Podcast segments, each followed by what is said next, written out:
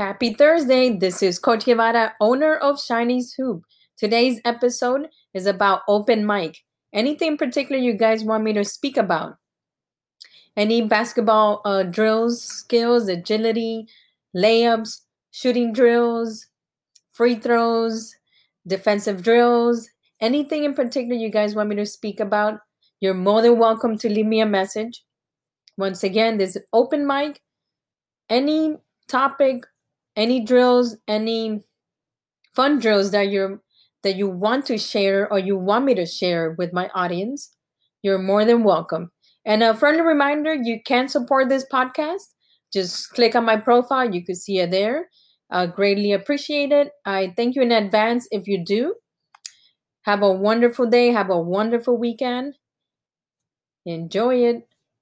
Once again, this is Coach Guevara. I'm out.